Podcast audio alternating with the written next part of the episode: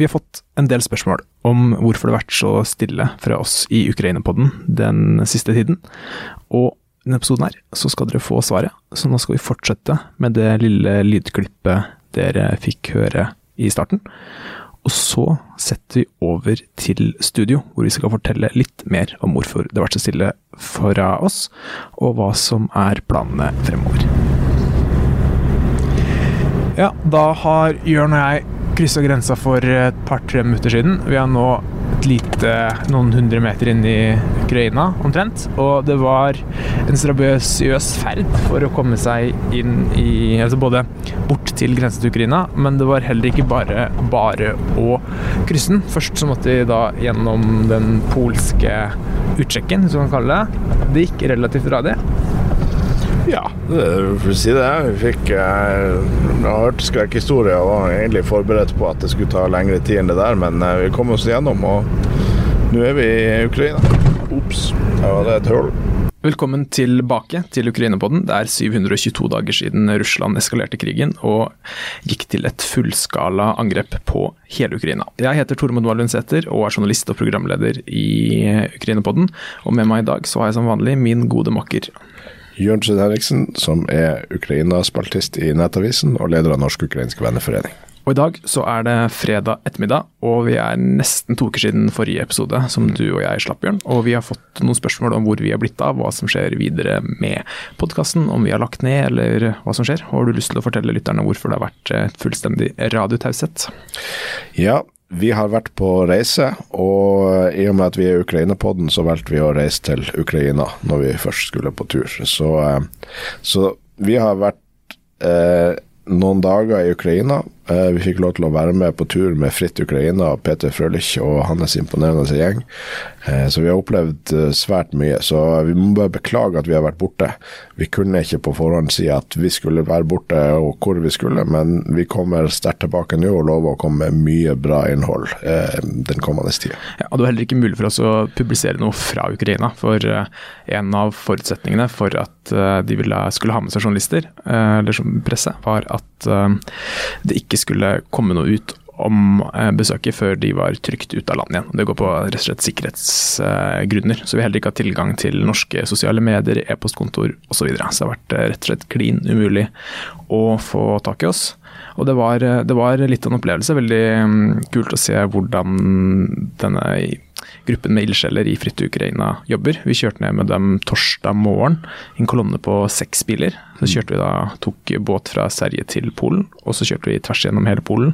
Og ankom Lviv eh, grytidlig lørdag morgen, sånn rundt klokka fire på natta etter 21,5 time i bilen den dagen. Det er sant. Og så litt eh, soving på ferga mellom Sverige og Polen. Så, eh, så det var det, det får virkelig, nå når jeg kommer hjem, Det har gått sånn i ett i løpet av hele turen, men nå når jeg kommer igjen, så kjenner jeg litt på for et enormt arbeid det er, og hvor mye tid og energi som går med på en sånn tur. og det er veldig imponerende eh, hva Fritt Ukraina får til. og hvor mange turer de har vært nå. Dette var vel den 22. turen eller noe sånt. Er noe sånt. De har donert utstyr for i hvert fall rundt 50 millioner norske kroner. Og da stort sett biler og droner som utgjør mesteparten av det. De hadde også med seg den gangen her så hadde de med seg en ATV og noen soveposer og sånt i tillegg, så det er uh, båtmotorer har gitt, det har gitt veldig mye. Og du Jørn kan jo faktisk skryte på deg og at du faktisk har hjulpet uh, Fritt Ukraina også. Jeg måtte jo på en måte stå og se på når andre sjaua og lassa. Jeg som journalist skal kan jo ikke begynne å hjelpe til med å forsyne den ukrainske hæren, da krysser jeg en grense. Men du som leder av Norsk-ukrainsk venneforening, du kunne jo ja, være med da rett og slett uh, ja, hjelpe til å losse og være en del av den gjengen der. Så Sånn føles det, Jørn, å gitt, gitt eh, noen uh, krafttak for, for den ukrainske hæren?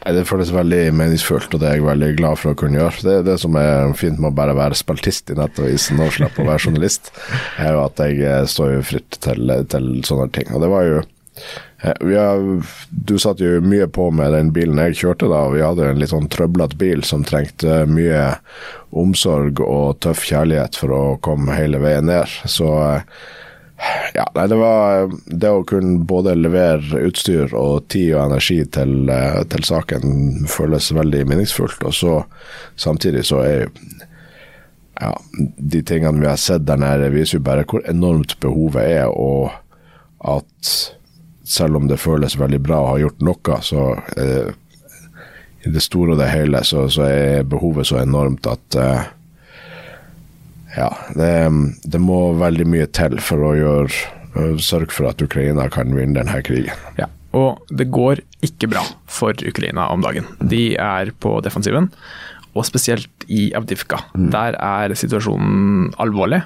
Og vi har en sak ute som ble publisert i går i Nettavisen, hvor jeg fikk snakke med en kilde i den ukrainske etterretningen, den militære etterretningen, som sier at han regner med at Avdivka faller i løpet av én til to uker.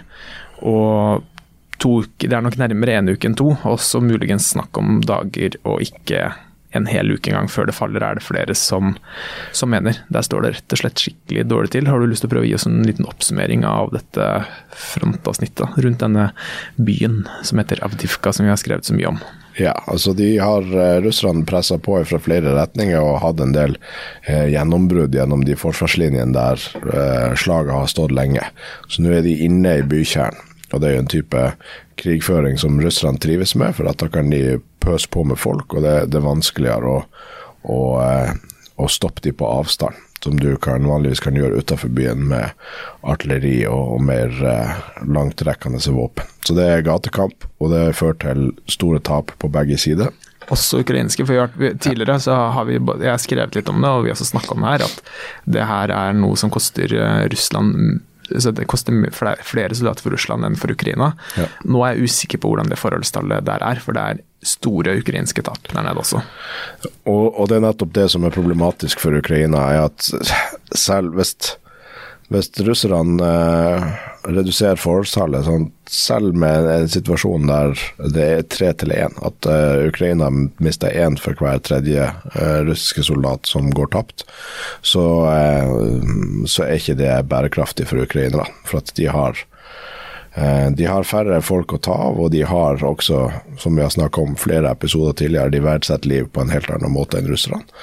Så Putin han bare sender flere inn i kverna, det har ingen eh, politiske konsekvenser for han.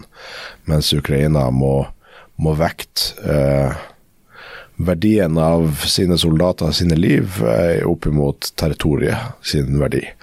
Og det er svært vanskelig, og det er nok en av de tingene som en av de tingene som eh, har som er i kjernen av denne endringa som har skjedd nå med, med bytte av forsvarssjef. Ja, veldig eh, kort oppsummering av det. Ja. General Valerij Salusjny, som ble satt inn et ca. et år før, før fullskalainvasjonen.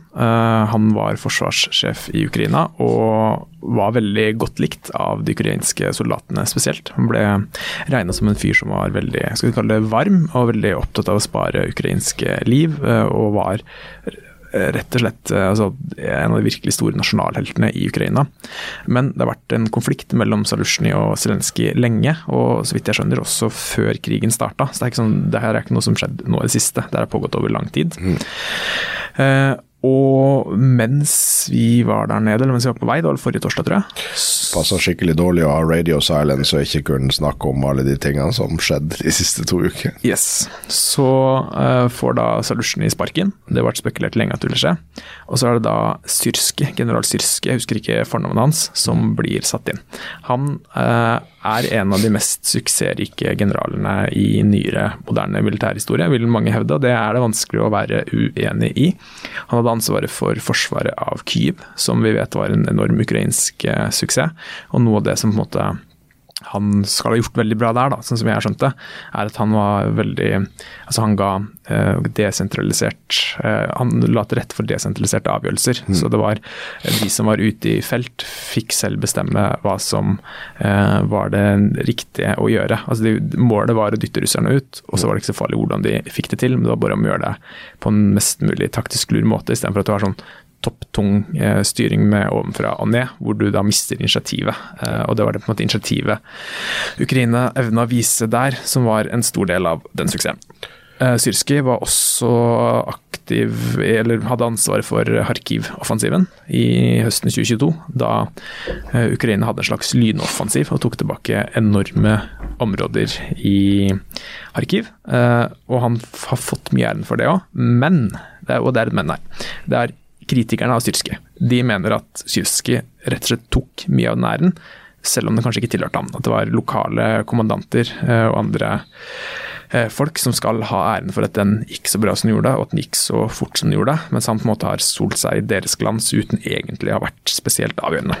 Jeg kjenner, ikke, jeg kjenner ikke til det her, jeg har ikke god nok uh, kjennskap til disse påstandene uh, til å si om det stemmer eller ikke. Men det er bare for å gi dere et bilde av at Syrski er på den ene siden genierklært av mange, mens andre ikke liker han spesielt godt. Så han også ansvaret for forsvaret av Bakhmut i fjor, da den byen falt. Mm. Og det og flere andre hendelser over årenes løp har gjort at han har fått tilnavnet Slakteren. Eh, fordi han eh, har et rykte på seg for å ikke nøle med å ofre sine egne soldaters liv for å oppnå de målene han har. Eh, om det da er å holde Bakhmut, eller om det er å holde Avdivka, eller andre ting, så har han i hvert fall et rykte på seg for å ja, være sløse mer med soldatenes liv enn f.eks. Salusjny. Og vi snakka med en Kall en fikser der, da. Han har vel tjenestegjort i herren, altså den ukrainske hæren tidligere. Og har, fortsatt, har, fortsatt, tett kontakt med dem. Han driver mye med forsyninger av frontlinjen. Kjører inn mat, vann, utstyr, andre ting. Han bor i Ukraina og kjenner veldig godt til hvert fall deler av frontlinjen. Da. Og han, det han kunne fortelle oss, var at uh, Syrske virkelig ikke var likt av de soldatene han hadde kontakt med. Ja, og her, eh, jeg har ikke noen mer inngående eh, kunnskap utover det som er kjent i offentligheten om det her. Men her er jo en del ting vi kan spekulere rundt. Og i en så krevende krig som det ukrainerne står oppe i nå, med så enormt mye død og lidelse, så er det ikke uvanlig at generalene oppover systemet blir upopulære blant de som er på fronten. Eh, og når vi Altså, det her elementet med å ha desentralisert eh, kommando, det er jo på en måte kjernen i forskjellen på hvordan vi i vest fører krig, og hvordan de gjør det i øst.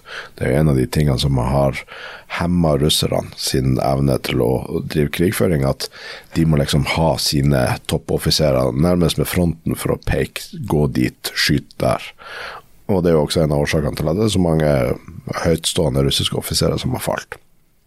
Og Kharkiv-offensiven da, altså ja, på en måte så kan man jo si at eh, det var de lokale kommandantene der ute som har mye æren for at det ble en suksess. Men i kjernen av det så har vi jo også den general som gir det rommet til de generalene som gjør at en sånn offensiv kunne lykkes. Og det er ingen tvil om at både i, i, eh, både i angrep og i forsvar så er desentralisert kommando viktig. Det er mange store slag gjennom historien som har blitt tapt fordi at uh, folkene på toppen trodde at situasjonen var verre enn den egentlig var, og, og beordra retrett, selv om slaget var, var uh, umulig å vinne. Um, uh, The Fall of Crete er en bok som tar for seg det her, Det er kanskje det beste eksempelet i andre verdenskrig om manglende kontakt med frontlinjen, der britene var i ferd med å kaste tyskerne på havet på Kreta, mens generalene hadde en annen forståelse og beordra det tett og, og forlot øya. Um, så ja, jeg, jeg, tenker vi skal ha et åpent sinn. Det kan godt hende at mange av de ryktene hans stemmer, men det er også en klassisk kniving, og det er ikke rart at eh, det blir at det blir ja, ondt blod mellom politisk lederskap og militær lederskap i en sånn krig som sånn her. For at fra et militært standpunkt, både både forsvaret av Bakhmut, så kan det være at de mista mer folk enn det som gir mening militært for å holde på den byen. Og det kan godt være at det er situasjonen også i Avdivka. Men krigen, den militære situasjonen, den foregår jo ikke i et vakuum. Den er jo også kobla på en politisk situasjon. Og det kan godt være at de i den politiske ledelsen og Zelenskyj ser situasjonen som at, at, det å begynne å ta på, ta på slagfeltet har mye større konsekvenser enn de rent militære. Altså Støtten til Ukraina står på en knivsegg nå. Det kan gå feil retning eller rett retning. Det står veldig dårlig til med støtten fra USA. Og Det er de veldig veldig klar over. Ja. Alle vi snakka med der nede var veldig bekymra for hvordan den fremtidige støtten til Ukraina ser ut. Så de er avhengige av, de er helt fullstendig avhengige av en mobilisering i støtte fra Europa det er et jeg tror, og det tror jeg er også deres analyse, at det er et veldig tett forhold mellom hvordan de ulike landene i Europa ser mulighetene for Ukraina på slagfeltet, og hvor motivert de er til å gi økt støtte. Så hvis Avdivka faller, og flere andre steder langs fronten faller nå til russerne, så kan det være kroken på døra for støtte, og da hvis ikke Europa stepper opp og, og, og, og amerikanerne ikke kommer tilbake på banen, ja, da, da, ser det mørkt ut. Da, da, kan det være at krigen går uh, mot slutten, og Ukraina må inngå en eller annen form for fred med veldig dårlige vilkår, som er sannsynlig at det vil føre til en ny krig om ikke, om ikke langt til. Så kostnaden politisk av å tape de her stedene kan være veldig mye større enn det rent militære. Og det kan være den, den konfliktlinjen man ser mellom det politiske og det militære, og grunnen til at han har skifta øverstkommanderende. Ja, og Ukraina blir på en måte satt inn litt um, umulig, umulige situasjoner, da. Fordi hvis de bestemmer seg nå for å forsvare Avdivka til sistemann, uh, og liksom og holde Avdivka til enhver pris, så vil Ukraina miste uhorvelig mange soldater. Ja. Og det vil, kan gjøre at frontlinjen andre steder kollapser.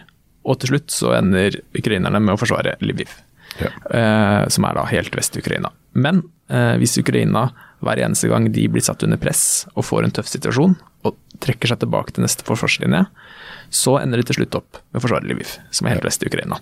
Det er selvfølgelig en veldig enkel eh, fremstilling av det, ja. men det sier noe om hvilke eh, vanskelige valg de som bestemmer det her, må ta. Da. Altså, når er det riktig å trekke seg tilbake, og når er det riktig å holde på territoriet? Ja, Vi har snakka om det flere ganger i tidligere episoder, at eh, Ukraina har hatt suksess når de kan stille russerne i ulike dilemmaer. Og I et dilemma så er det ingen gode valg, da må du velge mellom to onder. Og uansett hva du gjør, så er det noe som som ikke er optimalt. Og nå, pga.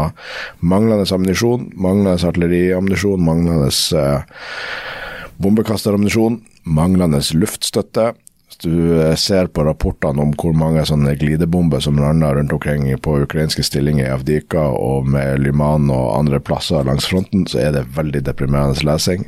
Pga. at Ukraina mangler de her tingene nå, så er russerne i stand til å sette de i sånne dilemmaer. Og Da må de ta noen valg, og uansett hvilke valg de tar, så kommer det til å koste. Og den artillerimangelen syns jeg er litt interessant, for der fikk jeg litt blanda signaler. Jeg snakka med en ukrainer, som det kommer en sak om det. Eh, som Han tjenestegjør ikke selv, men han eh, driver fulltid med å forsyne eh, Han driver en slags fritt Ukraina fra Ukraina. Mm. Forsyner frontlinjene forsyne soldater med forskjellig utstyr, stort sett droner og Starlink. Mm. Og han mente at den altså artilleriammunisjonsmangelen ikke var helt katastrofal ennå, at de hadde for lite, men at det var Altså, de holdt klarte å holde det gående. Så snakka med en annen kar som er eh, medic. Som er han, han er ikke en del av den vanlige ukrainske hæren, men han er da frivillig medic, så et par måneder i gangen så er han ute i frontlinja og evakuerer hardt skadde soldater. Og så er han hjemme i Kyiv, jobber et par måneder, tjener opp nok penger til å dra ut neste gang. Uh, og han kom i, hjem i starten av januar, midten av januar, og da hadde han vært i nord for Avdivka, i området rundt der.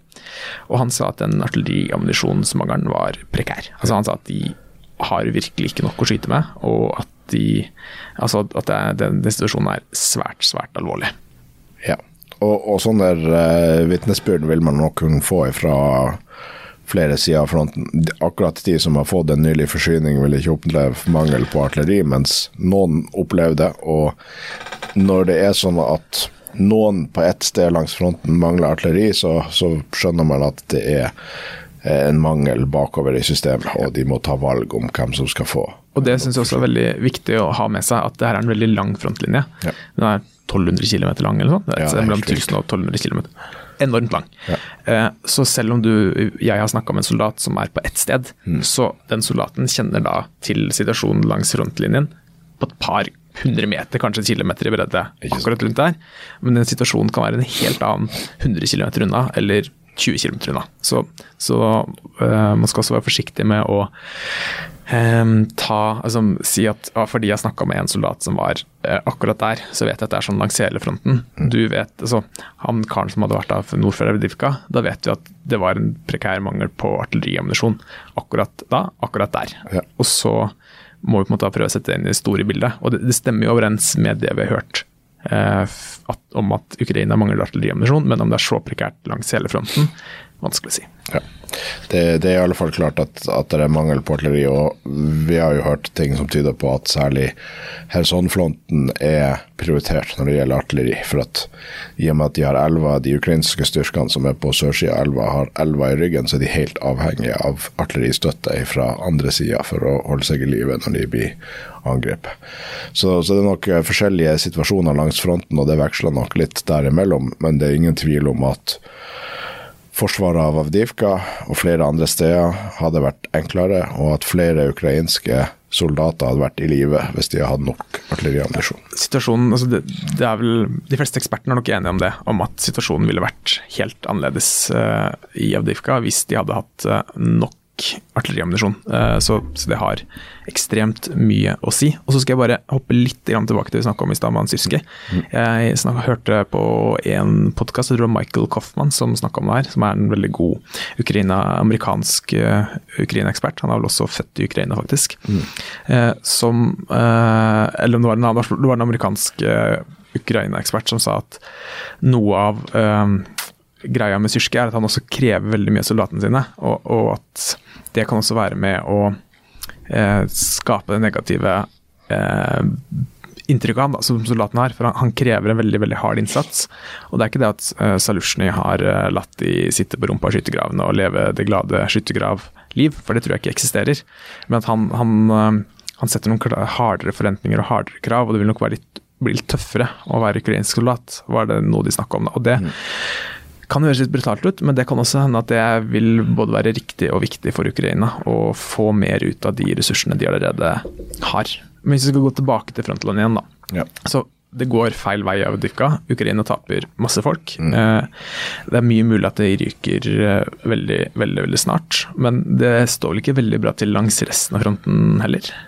Nei, der er flere andre steder. Hvis du drar lenger nord, nord for Bakhmut og Kreminna-fronten og, og, og områdene der, eh, rundt Kupiansk, så er de også på hælen og, og blir pressa bakover. Men de gjennomfører også motangrep, og, og de, de viser at eh, de kan bruke de her Bradley Storm-panservognene veldig effektivt i motangrep også. Så de påfører russerne store tap, men det er ingen tvil om at akkurat nå så har russerne mye folk og, og presser fremover, og de bruker tidvis også stridsvogner og, og, eh, og andre pansra kjøretøy. Men, eh, men eh, de, de blir også russerne påført veldig store tap. Og vi har jo en av de tingene vi så på når vi var der borte, var jo hvordan eh, Ukraina avanserer i, i dronekrigen. Ja, vi fikk besøke sånn dronefabrikk, som er rett og slett en helt vanlig bygård i Kyiv sentrum. Eh, ser ut som hvilken som helst annen bygård der. Og Der inne så sitter det da eh, en hel del folk som sitter og lager droner. De 3D-printer av plastikken, eh, og så bygger de da droner fra scratch. Ja. Og eh, det her mengden med droner, som også blir stadig mer avansert, gjør jo at russerne mister det meste av kjøretøy som de kjører nær fronten. Um, sånn at eh, de, de blir påført store materielle tap, og så har de, har de mye folk. Eh, så det er det som er situasjonen nå. Og vi har også hørt rykter om at det flytta et par bataljoner inn for å styrke forsvaret av, av Divka, blant blant de den sagnomsuste Third Assault Battalion, som har hatt suksess andre plasser på frontlinjen. Så om det er for å holde tilbake russerne mens de trekker ut ukrainske styrker fra lomma, eller om de har faktisk tenkt å gå til motangrep og prøve å, å holde Avdivka videre, det vil vise seg. Men det, som du sier, Ukraina er på De, de rygger langs fronten. Men, eh, men de slår også hardt tilbake og påfører russerne store tap i, i denne eh, i denne situasjonen som de er akkurat nå. Ja, og eh, Vi snakka med noen eh, Du var ikke der da, faktisk. da Du, dro hjem fra Ukraina et døgn tidligere enn meg. Du tok nattoget til Polen fra ja. Kyiv.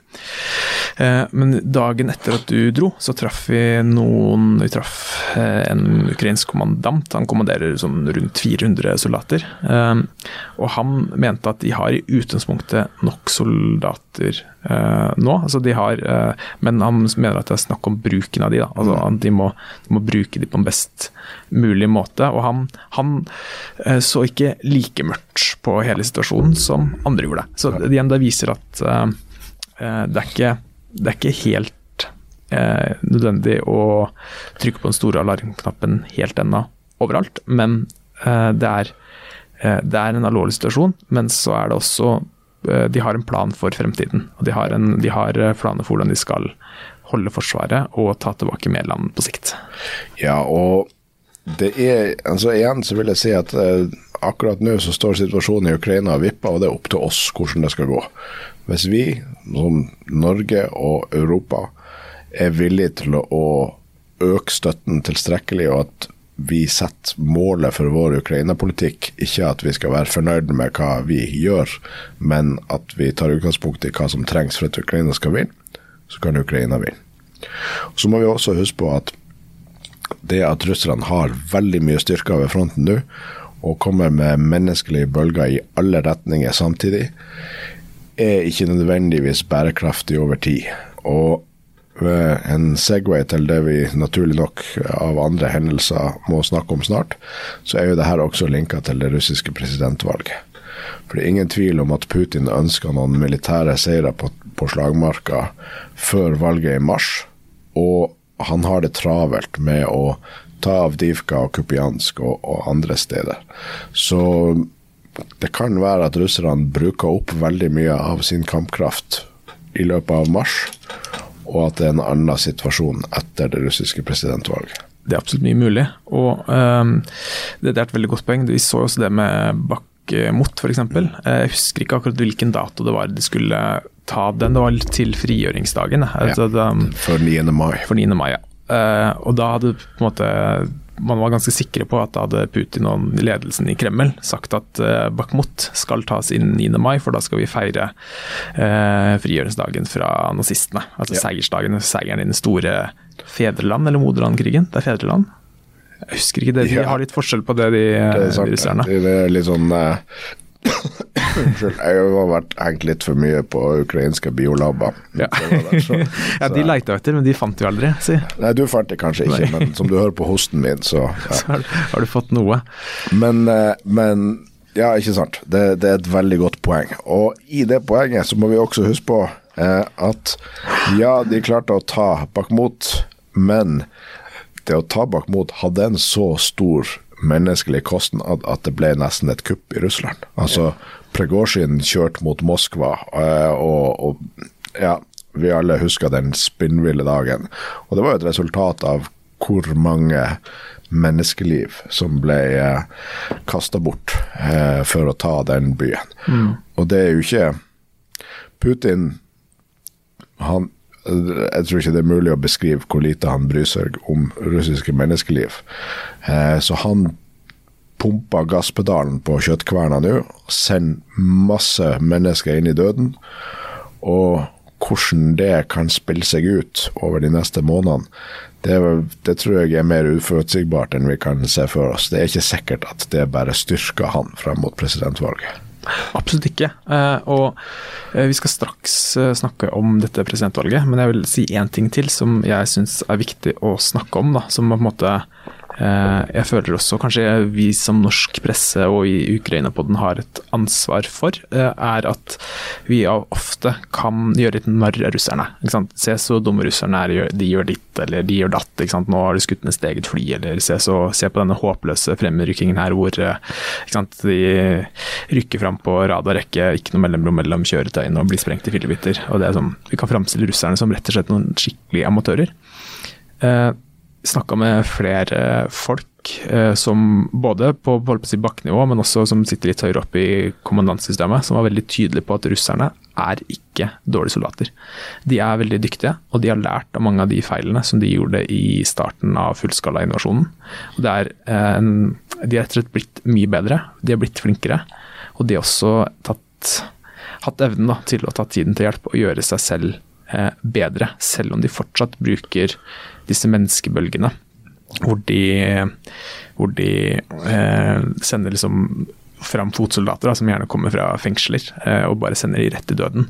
Så har de sett hva som funker, hva som ikke funker. Og de er også eh, en formidabel motstand for Ukraina. Så det er ikke sånn at vi, vi har Ukraina som har supersoldater som slåss mot en gjeng eh, vodkadritings eh, eh seriemordere som er sluppet ut fra fra fengsel. Så det, liksom, det, tenker jeg også er viktig å ha med seg. at det er eh, vi, Russland har gjort mye dumt i løpet av den, eh, de, to årene, de, to årene, som den fullskala invasjonen har vart. Men de lærer sine feil og har blitt bedre. Ja, det er ingen tvil at det har skjedd en endring. Eh, vi vet at når etter eh, Eller på rundt den tida der man hadde eh, Kharkiv-offensiven og den tida der, så drev russerne en veldig rask mobilisering av folk. For de hadde hatt enorme tap og mangla folk. Og det var mange historier om folk som har blitt omtrent mobilisert og sendt til fronten og var død to uker senere. Ja, og det, det, det skjedde. Altså, det, er ja. ikke, det, er ikke, bare noe vi finner på, men det, det finnes dokumentasjon, dokumentasjon på at det var, det var, to uker, og jeg tror det var enda kortere tid. Og, for liksom de, de jobba på hadde en eller annen kontorjobb i en eller annen russisk mellomstor by til de var drept i Ukraina. Det gikk utrolig fort. Og de hadde hatt uh, trening av at de har skutt to skudd med Kalasjnikov før de ble sendt til fronten. Nå har russerne klart å mobilisere folk fortere enn de blir drept, og da har de også mulighet til å drive litt mer opplæring. Og det snakkes om noen soldater får to uker med opplæring, og noen kanskje oppi et par måneder. Og du skal altså ikke undervurdere hvor stor forskjell det er på to dager med opplæring og to uker med opplæring. Altså, de som har gjennomført førstegangstjeneste i Norge, vet at uh, du, burde gått, du, burde ha et år med opplæring før du sendes til fronten. Men hvis du skal sende menneskelige bølger med folk til fronten, så har det veldig mye større effekt hvis du kan ha to uker med grunntrening i stridsteknikk Øvelse som ikke ha det. Ja, og det ja, Det syns jeg er veldig godt oppsummert, og det, det, tenker jeg bare vi som følger tett med på krigen her, skal ha i, skal ha i bakhodet. Uh, for det er rett og slett dårlig gjort mot uh, de ukrainske soldatene som kjemper mot det her hver dag, og framstiller russerne som både dumme og inkompetente. For det er det ikke alle sammen, i hvert fall. Nei, og det er klart det er mye rusk i det russiske maskineriet, men over tid så funker det jo også sånn at de som er inkompetente og uforsiktige og dårlig trent og, og ikke følger doktriner og sånn, de har større dødstall enn de som ikke har det. Ja. Sånn at med en så stor hær som russerne har, så vil jo de som er flinkere over tid leve lenger enn de som ikke er det. Det er en form for darwinisme i det. Så, så det er ingen tvil om at ja, den russiske den russiske, altså Mannskapet i den russiske hæren blir nok litt og litt bedre, selv om det materielle de har, kanskje blir dårligere og dårligere. Så, så det er litt sånn forskjellige trender der. Men, eh, men eh, at de har bedre opplæring, de som sendes til fronten nå, enn de hadde for halvannet år siden. Det er det ingen tvil om. Nei. Og da må vi snakke om det russiske presidentvalget. For i dag så kom nyheten om at Aleksej Nevalnyj er død. Eh, han har sittet fengsla i over to år ja. uh, i forskjellige russiske fengsler. Det er da en russisk opposisjonspolitiker, ja. uh, tidligere advokat, er vel det han på en måte er av yrke, som har eh, slått, han slo seg opp da, og ble veldig veldig stor på å avsløre den elleville korrupsjonen som Putin og hans uh, krets har uh, ja, rett og slett gjør hver eneste dag. Da. Han har avslørt uh, palass, uh, yachter altså det, er, det er helt ellevilt det han har avslørt. Blei forgifta av Russland. Overlevde med et nødskrik. Ble sendt til et tysk sykehus som klarte å redde livet hans. Og når han da var i form til å bli skrevet ut av sykehuset, så er det mange som mener at han burde, og han kunne i hvert fall, uh, ha blitt i et trygt europeisk land og fortsatt kampen mot uh, Putins regime derfra. Han hadde flere stående invitasjoner, men Navalny var veldig klar på at hvis han skal ha noen som helst troverdighet som russisk opposisjonspolitiker, så må han være i Russland. Så han da satte seg på første og beste fly til Russland for å fortsette kampen der, og blir pågrepet på flyplassen uh, og sendt rett til fengsel. Ja. Og der har han sittet siden. Han har vært uh, gjennom flere rettssaker av forskjellige sånn skinnrettssaker. Det er bare tull og tøys ja. hvor, som han ble anklaga for. og Jeg husker ikke dommen han har fått, det. Men det er ingen som har tenkt, trodd at han kom til å slippe ut av fengsel med det første. Han har sittet under helt forferdelige forhold. Uh, jeg har skrevet litt om han. Jeg traff stabssjefen til Navalny på Kirkeneskonferansen for uh, et år siden nå, hvis ikke det er to. Eh, et år siden nå, er det. Da traff jeg Leonid Volkov. Så hvis dere googler Aleksej Navalnyj i Nettavisen og Kirkenes, så skal dere få opp den saken som beskriver de umenneskelige soningsforholdene han har levd under. Og han har tatt stor skade der. Han har gått ned masse i vekt, vært en del syk. Og i dag, fredag, så kom nyheten om at han var død. Ja.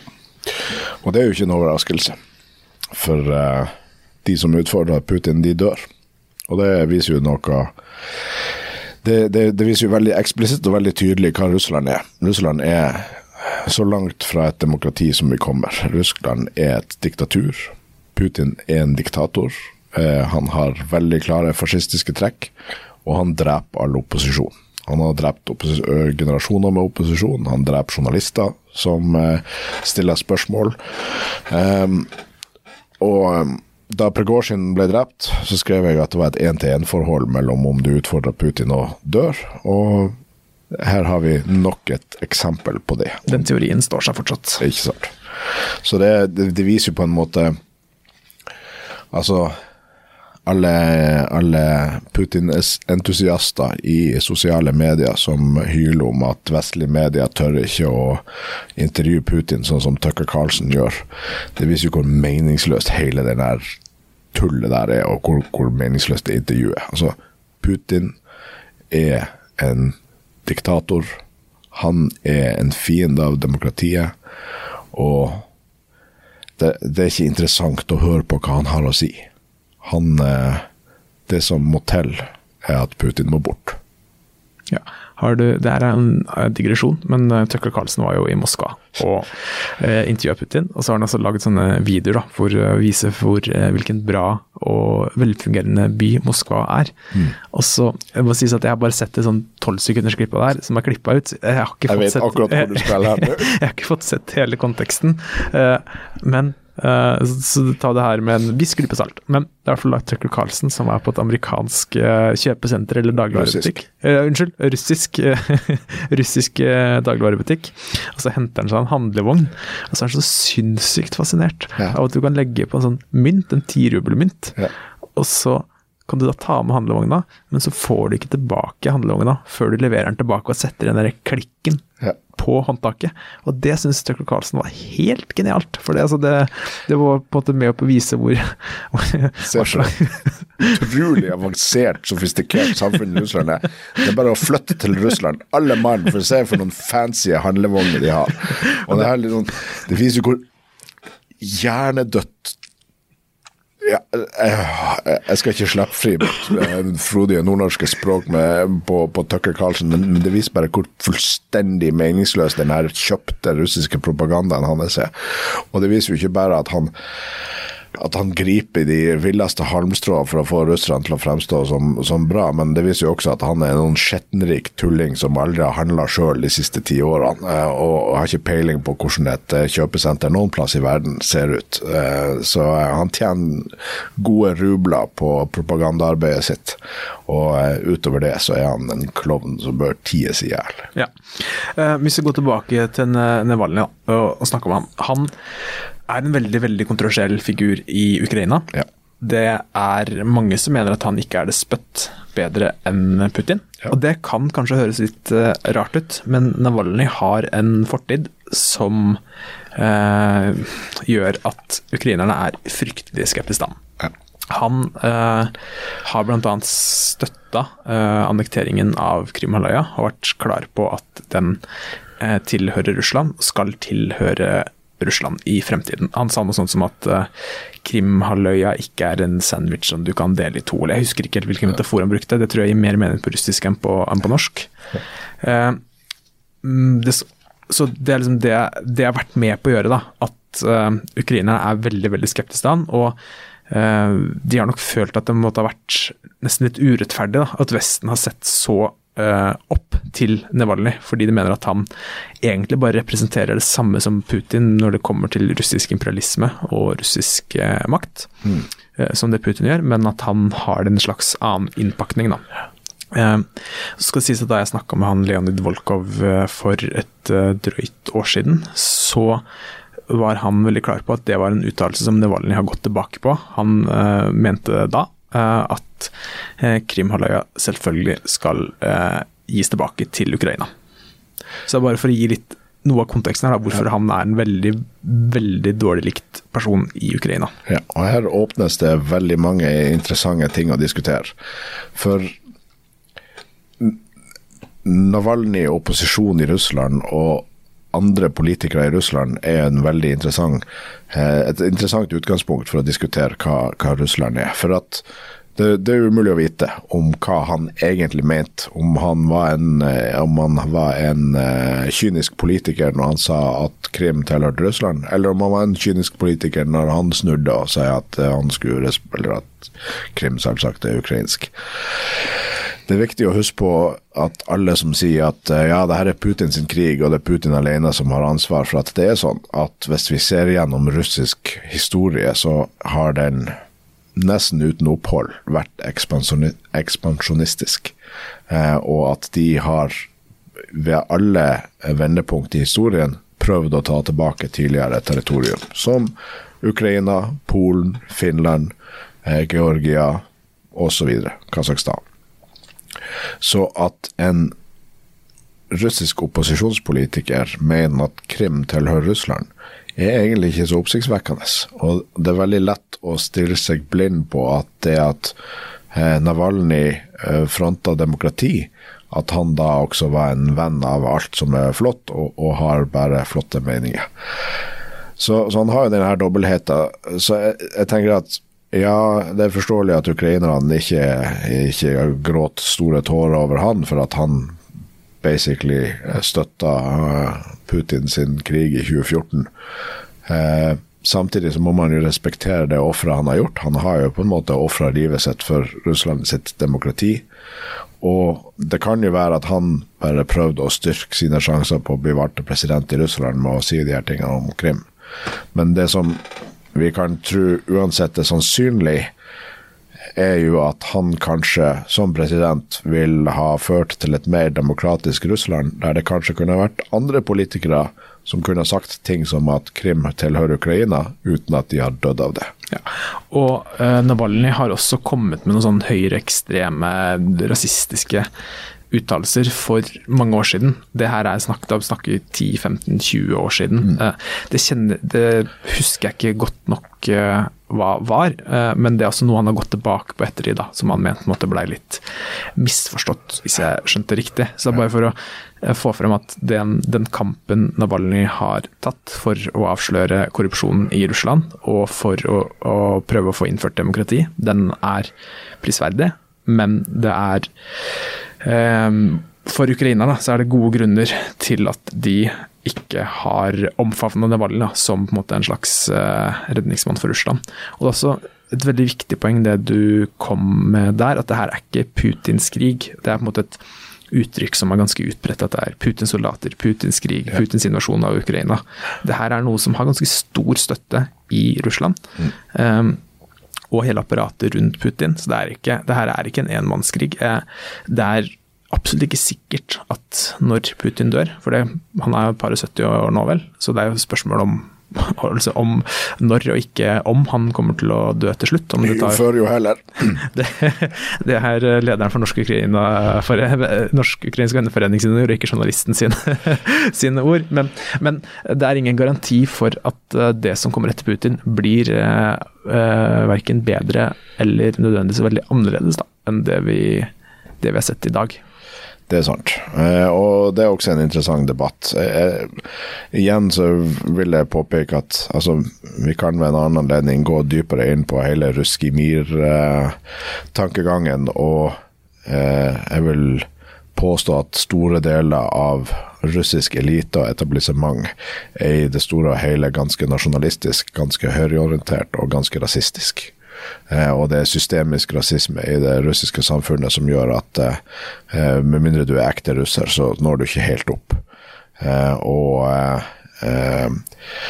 tegn til at Putin har omgitt seg med noen folk med annen etnisitet, f.eks. For sin forsvarsminister, fordi at han vet at han aldri kunne utfordre eh, makta som presidentkandidat, for at det er bare kjernerussere som, kan ha de øverste maktposisjonene i, i, Russland og ha støtte til det.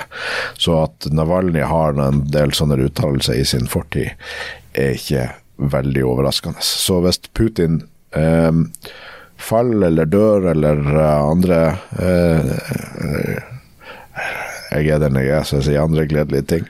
Skulle uh, påfalle han, så er det ikke sannsynlig at han blir erstatta av en, eh, en, liberal demokrat som gjør at det blomstrer med unisex-toalett i Russland og stor ikke-vestlig innvandring. Det tror jeg ikke. Men jeg er veldig eh, Jeg blir litt blodfattig av den stadige eh, påpekninga til ulike aktører og kommentatorer som er litt sånn her Ja, vi må ikke påføre Russland et for stort nederlag, for da kan Putin erstattes med noen som er enda verre. Ja, det, det, det, kunne man teoretisk ha påstått om Hitler under andre verdenskrig òg. Det finnes teoretiske muligheter for at uh, Nazi-Tyskland kunne ha blitt overtatt av noen som er enda verre. Det kan skje med Russland også. Men Putin har styrt Russland i over 20 år. Han har evne og vilje til å starte kriger på, på tvers av landegrenser han har så stor kontroll i Russland at det er ikke noen maktalternativer. Det finnes ingen form for opposisjon. At alt det her, som er veldig negativt alt sammen, uh, udelt negativt, at alt det skal oppstå med neste, uh, med neste maktkonstellasjon også, er usannsynlig. Og Putin-regimet og det folkemordet de gjennomfører i Ukraina nå, og de angrepskrigene de har gjort i flere retninger, er så ille at vi må slutte å tenke at det kan finnes noe verre. Det er så ille at det må bort. Ja. Eh, og da det som, det som, jeg sitter igjen med, eh, nå som Navalny har dødd, eller blitt drept, kan vi også si. Han hadde, ikke, han hadde vært i live han, hvis han ja. uh, ikke hadde fått den behandlingen han har fått. Så lurer jeg på hvordan det her kan på måte, påvirke Russlands standing i Nei, unnskyld, Putins eh, standing i Russland. For Navalny var uhyre populær i mange eh, Blant veldig, veldig mange. Han, hadde ganske, altså, han fikk veldig mye oppmerksomhet og uh, fikk ganske stor uh, oppslutning. Da, liksom, han stilte jo aldri liksom, skikkelig til valg, eh, han gjorde det et par ganger, men han, han hadde en ganske stor eh, fanbase, for å bruke det nye norske ordet der. Mm. Eh, og så spennende å se nå hvordan det dødsfallet måte, påvirker den interne uroen i Russland. Om det her kan være en kime til nye demonstrasjoner eller et slags opprør, eller, eller om det her bare vil, for, for, vil bli forbigått med et skuldertrekk og at alt vil fortsette som før? Ja, jeg, jeg tror at det er det førstnevnte. Altså det her eh, Jeg tror jeg eh, hvis det var planlagt at han skulle dø før valget, så tror jeg det er litt sånn sterkmannssyndromet til Putin, at han skal vise seg så sterk som, uh, som mulig. Men det kan godt være at han har forregna seg. Altså, han har jo laga en martyr, og det er jo ikke nødvendigvis det smarteste du gjør. Så nå går vi inn i et valg der de, den undergrunnsopposisjonen som uh, kanskje eksisterer i større eller mindre grad i Russland, sikkert uansett hadde en plan om å mobilisere og vise misnøye på en eller annen måte, uh, nå blir enda mer uh, motivert. og i tillegg så har du tusenvis av soldater som dør hver uke i, i Ukraina. Så det er ikke nødvendigvis en kjempebra miks for, for Russland. og Putin på vei inn i det her uh, valget. Jeg tror vi skal være jeg tror vi skal være uh, forberedt på at det kan skje ting i Russland. Nå tror ikke jeg at Russland rakner, på ingen måte. Jeg bare sier at, at her er en cocktail av ingredienser som gjør at uh, mulighetene for det vokser litt. Grann. Ja. Så det, det, blir veldig spennende å følge med på, og det kan hende at vi får noen svar allerede den helgen her. Jeg tenker ja. at hvis, hvis vi ikke ser at noe skjer den helgen her, Eh, så er det mye tyder på, som tyder på at måte, den eh, kontrollen eh, Putin hans regime har over samfunnet, er så stor at det ikke her vil få så mye konsekvenser. Men hvis vi ser at nå begynner å boble litt, at det blir litt demonstrasjoner og at ja. folk begynner å ta litt i gaten eller, eller hva de måtte finne på, så kan det her bli veldig, veldig interessant å følge med på videre. Absolutt. Og da lurer jeg på om vi må runde av for i dag. Ja jeg tenker vi, vi, kommer tilbake på Vi skal ha flere podkaster, så vi skal gå dypere inn i vår opplevelse av det å være i Ukraina på tur, og hva vi har sett og hva vi har opplevd. Ja. Um, jeg vil bare si at hele, jeg tenkte hele den podkasten vi har snakka oss igjennom nå, så har vi snakka mye om, om, om, fronten og situasjonen og artillerigranater og eh, ja, hele situasjonen til Ukraina. Og det det har vi gjort i mange episoder, men den opplevelsen av å være på den gravplassen i Lviv Ja, den var sterk. Eh, og det, det, kan vi gå dypere inn i senere, men, men, det å gå der og se på alle For at på, på, hver gravplass så var det bilder av uh, de som var drept, og det lå litt sånn artikler som kan knyttes til livet deres, som de var hundeentusiaster eller, eller forskjellige ting. Sånn bamser fra barn der, og det, var, uh, det var, gjorde inntrykk. Jeg så en som var uh, et par måneder i 82 som meg, og et par måneder yngre enn meg, og der sto det to kopper kaffe og et lite kakestykke, og det tenker jeg det er godt sannsynlig at det er som ville ha ligget på min grav også, som fundamentalistisk kaffeentusiast. Og bare å se de datoene Noen var veldig ung, noen var faktisk veldig gammel, noen har dødd veldig nylig.